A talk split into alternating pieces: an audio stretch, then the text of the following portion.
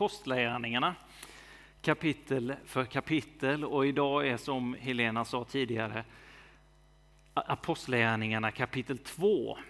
Och för er som har läst Apostlagärningarna någon gång eller så, så vet ni att det är pingstdagen och eh, det tillfälle när den helige Ande utgjuts och kyrkan föds.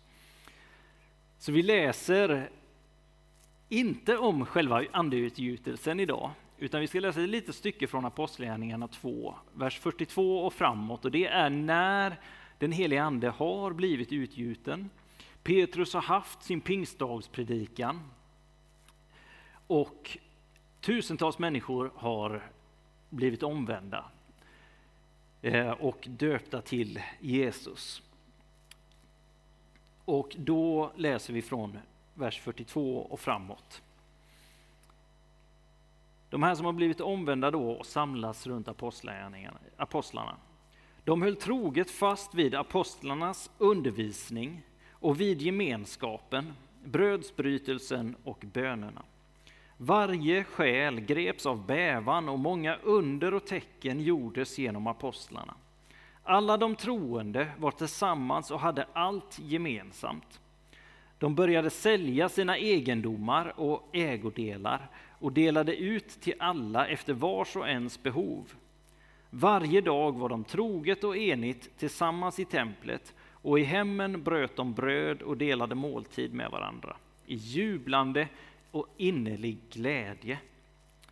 De prisade Gud och var omtyckta av hela folket. Och Herren ökade var dag skaran med dem som blev frälsta.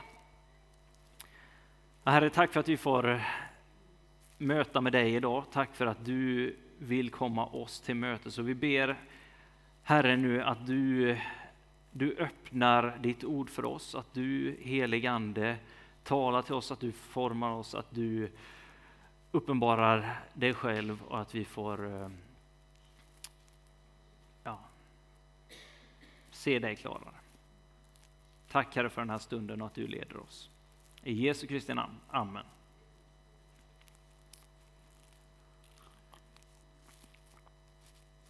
Så jag hoppas ni har haft en god midsommar och att eh, det är bra med er.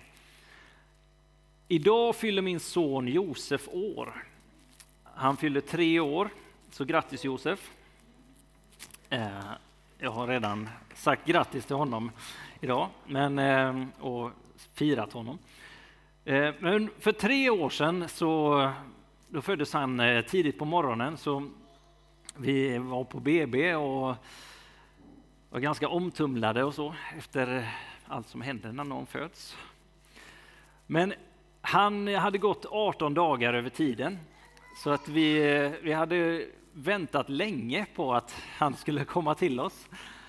Och jag var helt övertygad om att eh, Josef han skulle komma tidigt. Han skulle vara en, en tidig kille, en tidig ankomst, så att vi, han skulle nog vara så här, ja men beräknat datum och så ja, 14 dagar tidigt, det var ju så tidigt man fick lov att komma, men, men kanske 10 dagar tidigt i alla fall.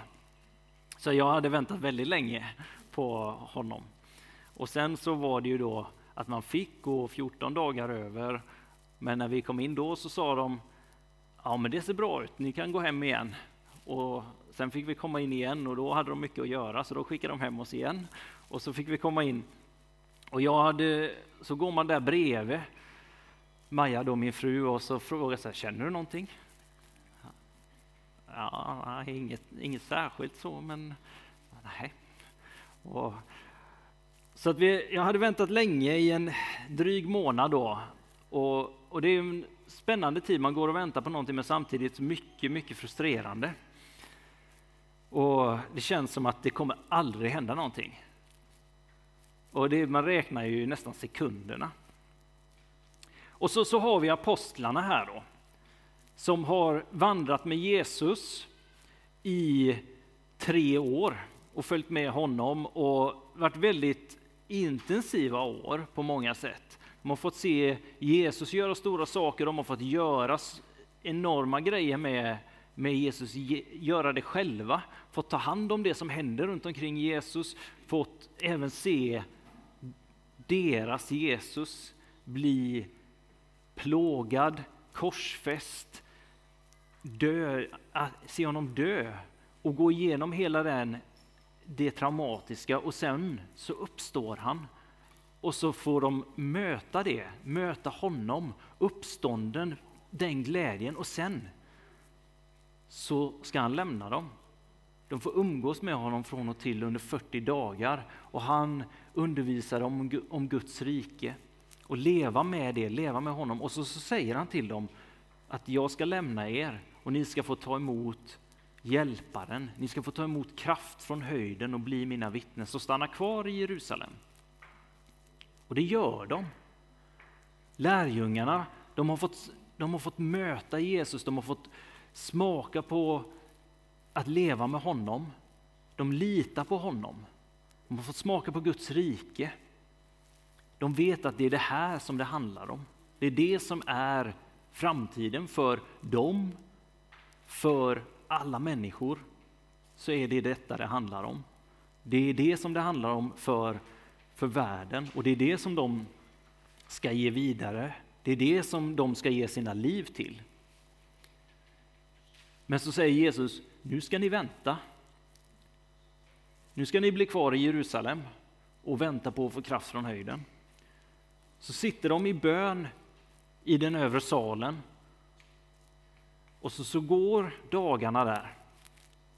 Och de ber och de sam, sitter kvar och är kvar i den bönen. Och de har ingen barnmorska som kommer och kollar till dem och säger ja men det, det ser bra ut, vi, vi kollar igen om två dagar. Eller så, det, det, kommer, det får max gå 14 dagar över. Eller så, utan de sitter där och så har det gått sju dagar och de tänker, ska det, ska det inte hända någonting nu? Jag vet inte vad de tänkte, men, men någonstans så litar de på Jesus. Men man kan tänka också resonemanget, Ska vi göra någonting för att hjälpa det här på traven? Känner ni någonting? Johannes, känner du, känner du någonting av den här kraften som vi skulle få? Har den börjat komma hos dig? Men de sitter kvar och till slut så kommer den helige Ande på pingstdagen. Och då märker de ju att den kommer. Det är ingen tvekan om saken. Men det de enda de hade, det var Jesu ord på att det skulle hända och i tron på honom, han som har varit värd att lita på, han som har visat sig trofast genom, genom hela tiden som de har vandrat med honom, till och med när han säger till dem att jag ska dö och de försöker övertala honom att nej, det kommer du inte alls göra. Det är inte det som är ditt uppdrag. Och till och med genom att han säger att jag kommer komma tillbaka jag kommer uppstå, så litar de först inte på det heller. De tror att det är ju helt omöjligt, men han gör det. Han uppstår på den tredje dagen. De har hans ord och hans löfte på att den helige Ande, kraft ifrån höjden, kommer komma. Den hjälparen, min egen ande, kommer komma till er. Och det händer till slut. De, de står i tron på att han som är trofast har sagt detta. Och det är inte säkert att de förstod riktigt vad det handlade om. De kanske tyckte att det skulle vara bättre att göra det här på något annat sätt. Men om Jesus har sagt det så gör vi det. Och Jag tror att för oss så kan det här vara en, en inbjudan från Herren också att lita på honom och lita på hans ord.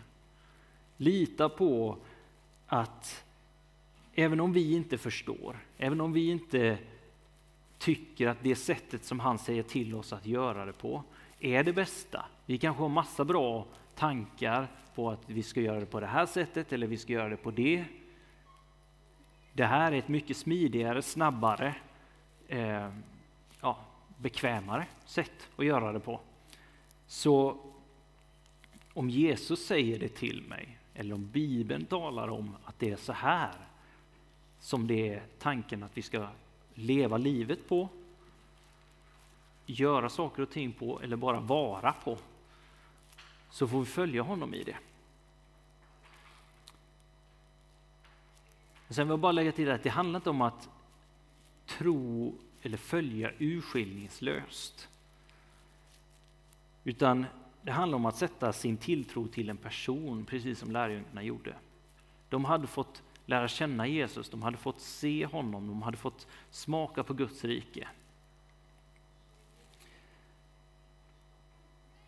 Och de hade fått smaka tillräckligt för att förstå att han är den som, som jag vill sätta min tilltro till. Han är den som, som jag vill ha. Han är den som, som är värd att lita på. Även om jag inte förstår allt det andra, även om inte det hänger ihop, så, så väljer jag att ta steget att jag väljer honom. Och då, även om det inte passar in i hur jag ser världen och det inte passar in i hur jag vill, vill leva mitt liv just nu, så, så väljer jag att om Jesus säger det, så vill jag försöka anpassa mig till det ändå. Och jag vill vandra den vägen och, och brytas emot det, trots allt. För han, Jesus, har det rätta för mig, han har det för den här världen, han har det för alla områden i mitt liv. Och jag vill försöka lita på honom. Jag vill gå den vägen. Och som sagt, efter tio dagars väntan i bön tillsammans så kommer den helige Ande på pingstdagen och kyrkan föds och blir, blir kyrkan. Jag tänker att precis som vi har läst här så, så får vi idag lite ha fokus på den, den gemenskapen som får växa fram, som får formas av att den helige Ande blir utgjuten. De som tillsammans troget håller fast vid apostlarnas undervisning, vid gemenskapen, brödsbrytelsen och bönen. Det här som man ibland kallar de fyra benen. Men de lever livet tillsammans. Talar vidare här om att varje själ greps av bävan och hur de lever i under och tecken.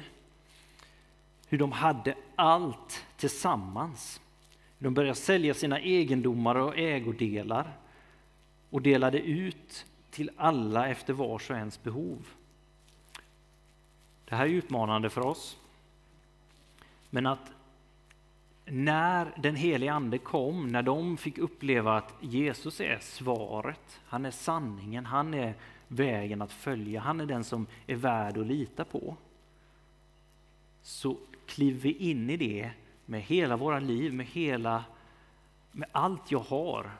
Och de här som finns med i det, jag ser dem. Det är, inte, det är inte längre jag och mitt och allt vad jag har som står i centrum, utan vi tillsammans är ett folk inför, det här, inför och med vår Herre. Och i det så, så får vi se det här som, som vi bär fram, hur kan vi, hur kan vi tillsammans leva i det och lyfta fram varandra, lyfta in varandra, lyfta upp varandra och bära varandra och både i bön, i, i sanning, i materiellt. Och det kan såklart ha så många olika uttryck. Och tillsammans så var de troget och enigt tillsammans i gemenskapen och i tillbedjan. Och de prisade Gud och var omtyckta av hela folket. Det är någonting, att vara omtyckta av hela folket. Och Herren ökade varje dag skaran med dem som blev frälsta. När den helige Ande kom, när det, det, står här i andra kapitlet om att den helige Ande utgjuts över lärjungarna som var samlade, de 120 där, så, så står det om att det kom ett dån, en stormvind och eld, tungor av eld som utgjuts över var och en av dem.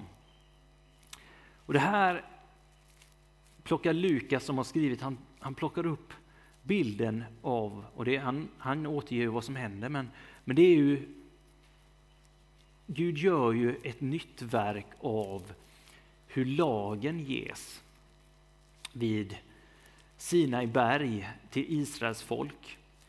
När Gud går in i ett förbund med Israel i Gamla Testamentet, när han har fört dem och befriat dem, när han har gjort försoningsverket, befrielseverket av Israel från Egypten och fört dem ut till Egypten och säger, till öknen och säger ni ska vara mitt folk och jag ska bo ibland er.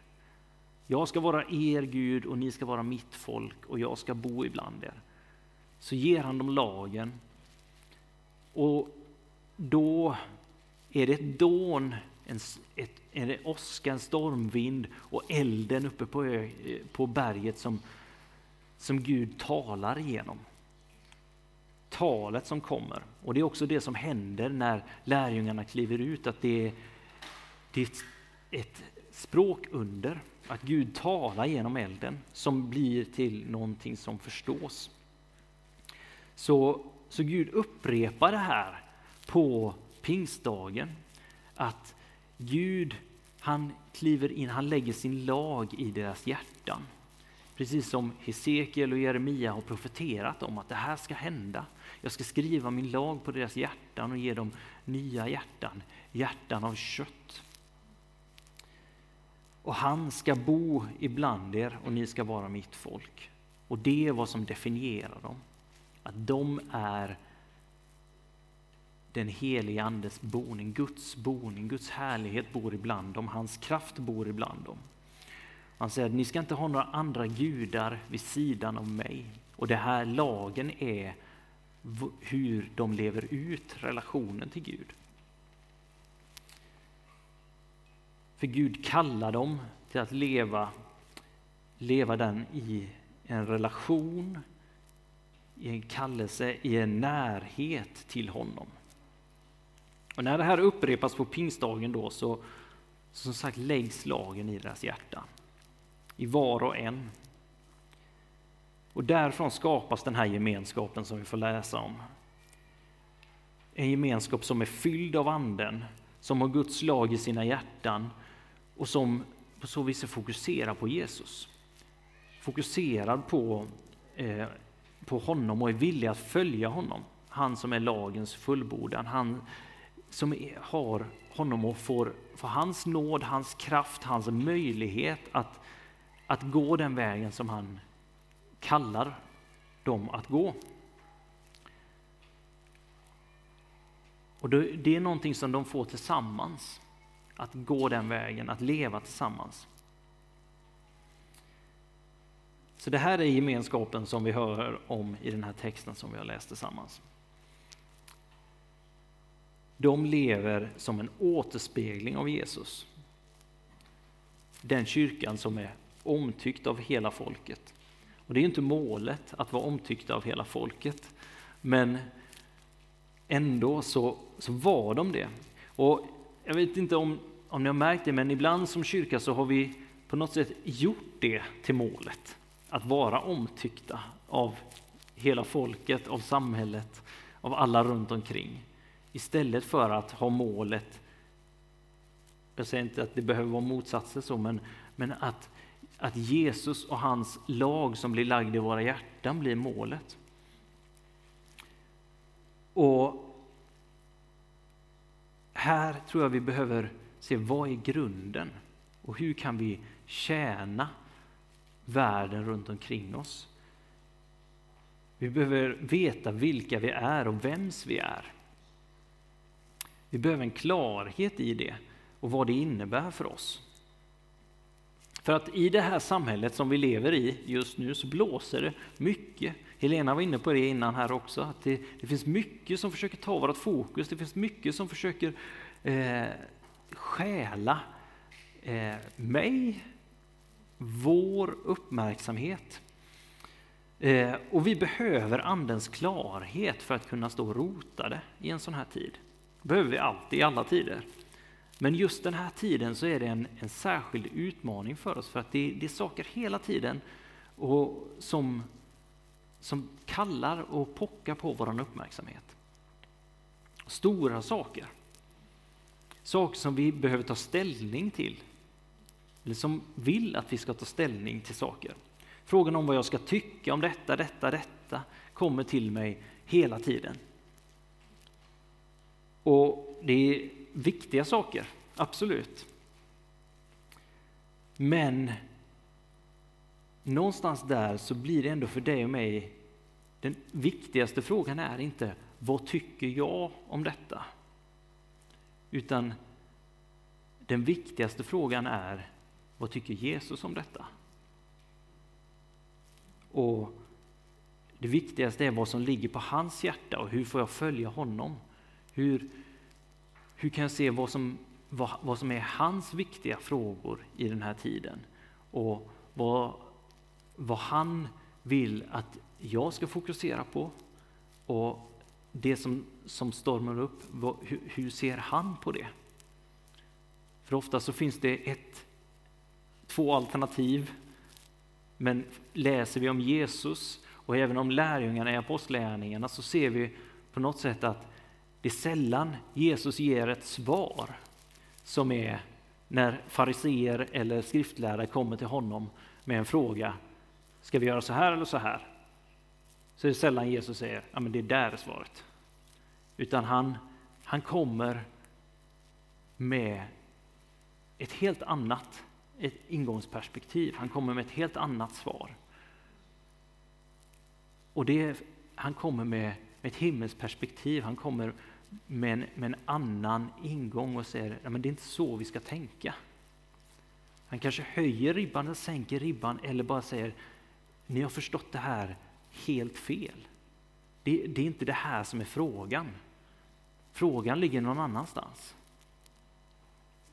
Och, och det här säger jag inte utifrån någon från den eller den frågan eller att någon har förstått frågan fel här nu eller så, utan bara att Jesus kallar oss att fråga honom.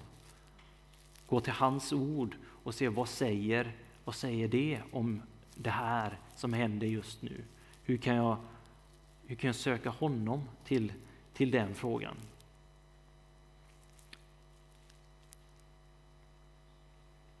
Och vad är hans hjärta?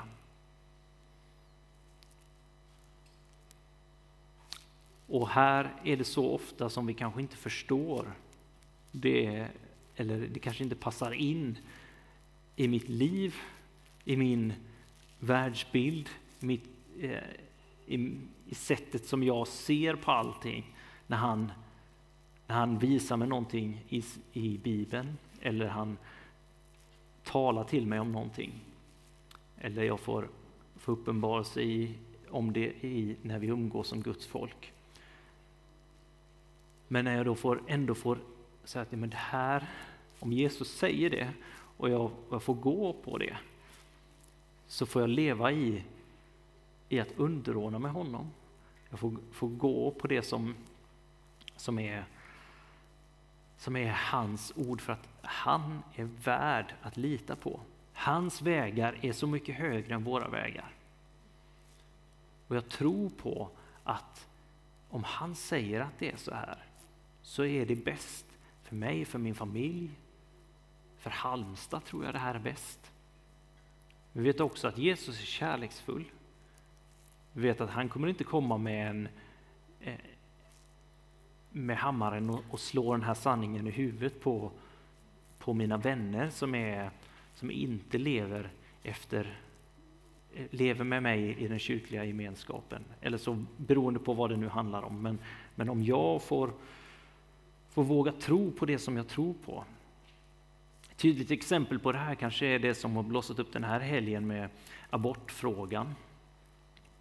Som jag inte vill ska ta fokus nu i den här predikan, men som jag ändå vill nämna bara för att det har varit så, så stor fråga den här helgen. Och på grund av vad som har hänt i, i USA då, den här veck, ja, de senaste dagarna.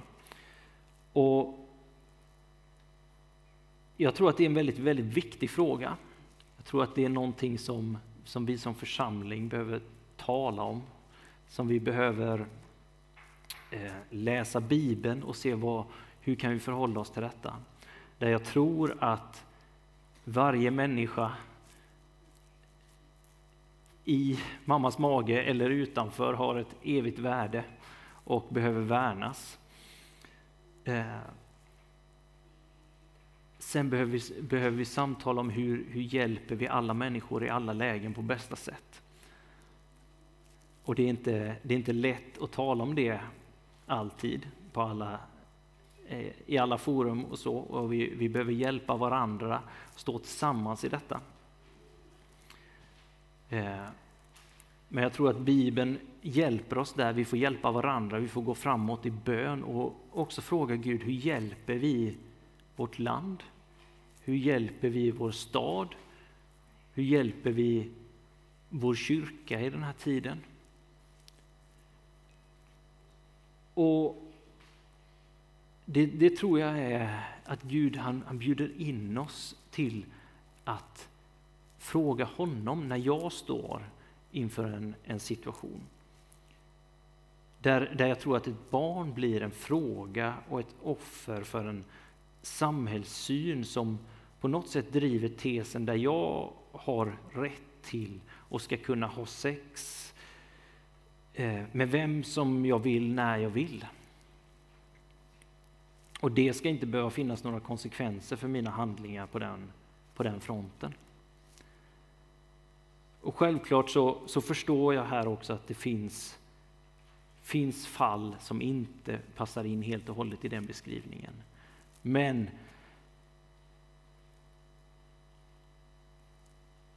Men jag tror att, att det som Jesus säger kring det här, det är precis det att han, han kliver inte in och säger, han säger att Gud älskar varje människa.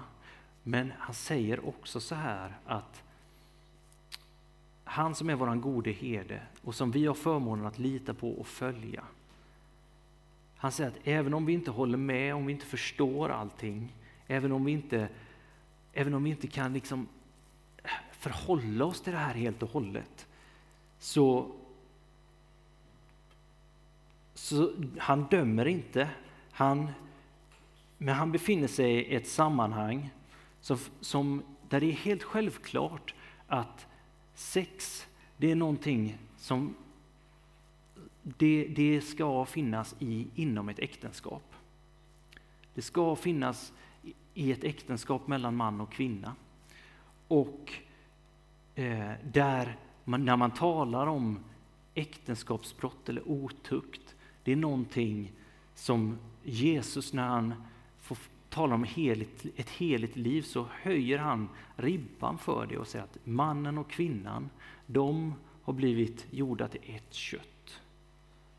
Och det är inte för människan att skilja åt. Och han säger att den som ser med begär på en kvinna, den man som ser med begär på en kvinna, har redan begått äktenskapsbrott med henne i sitt hjärta.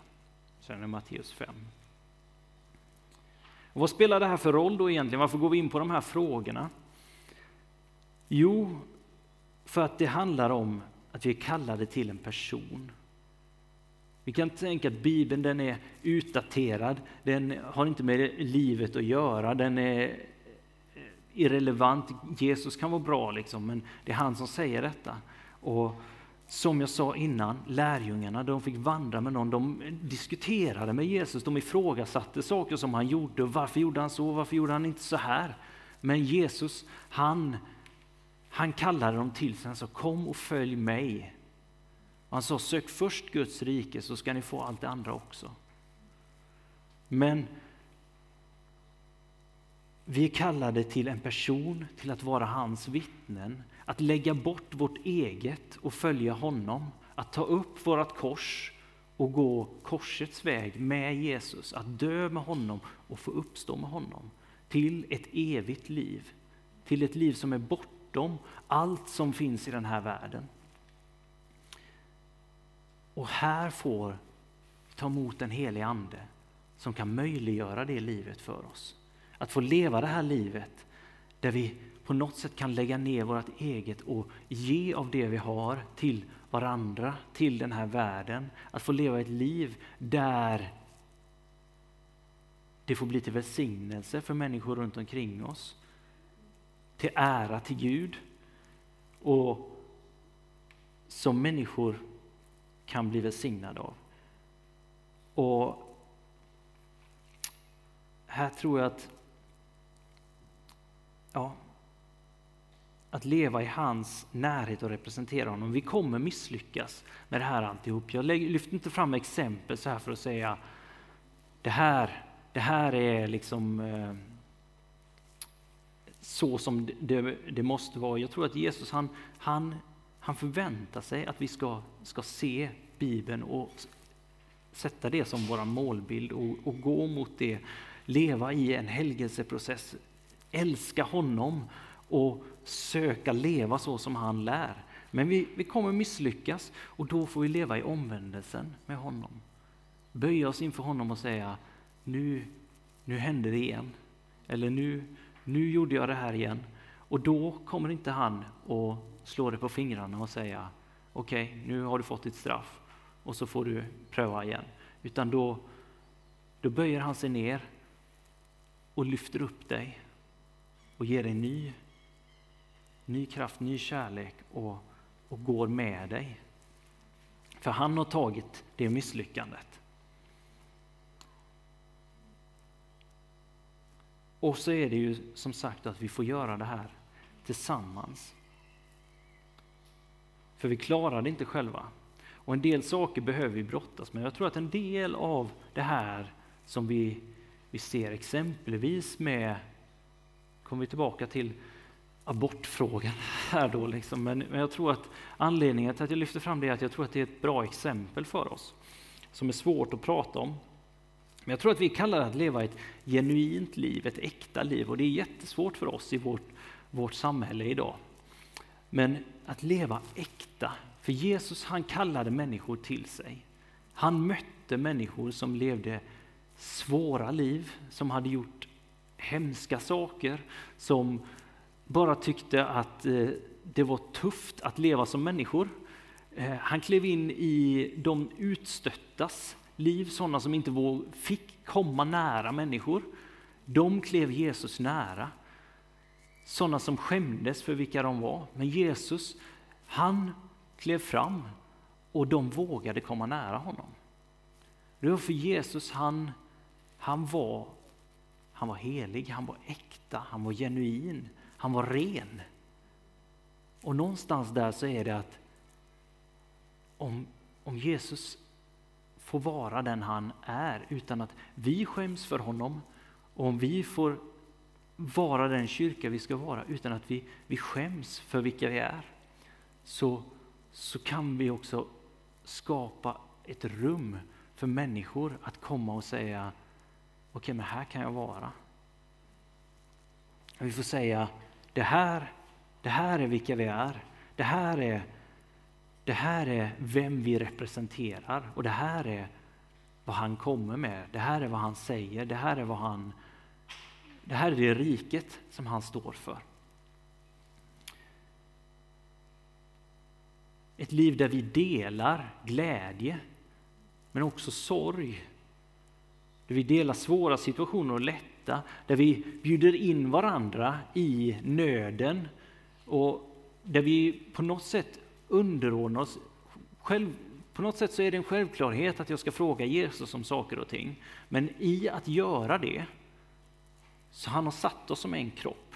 Bibeln undervisar jättemycket om det, att vi är en kropp och Gud talar genom sin kropp.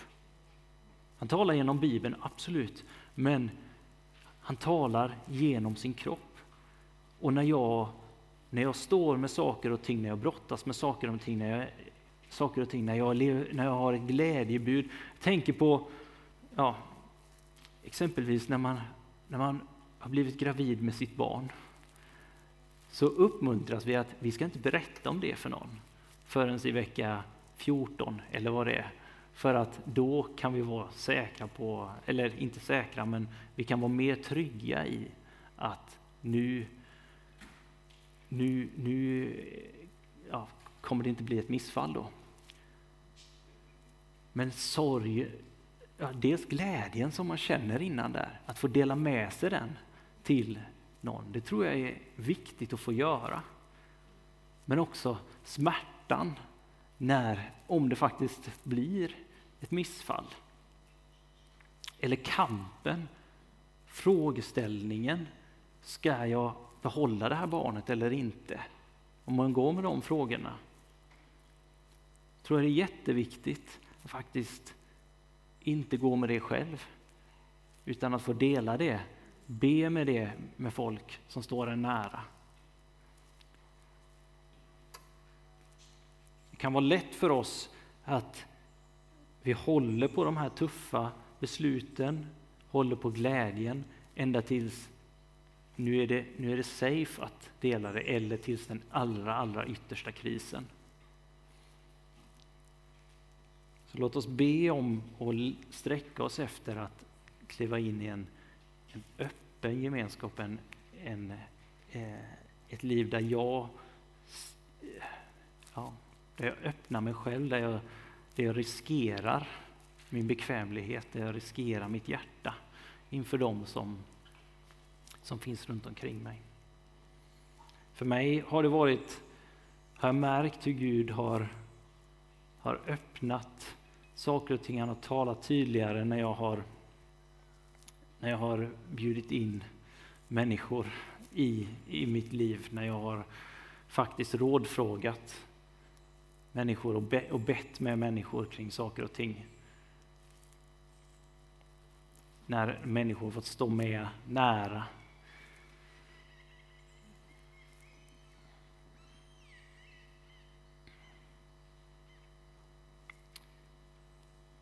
Så jag tror att det finns en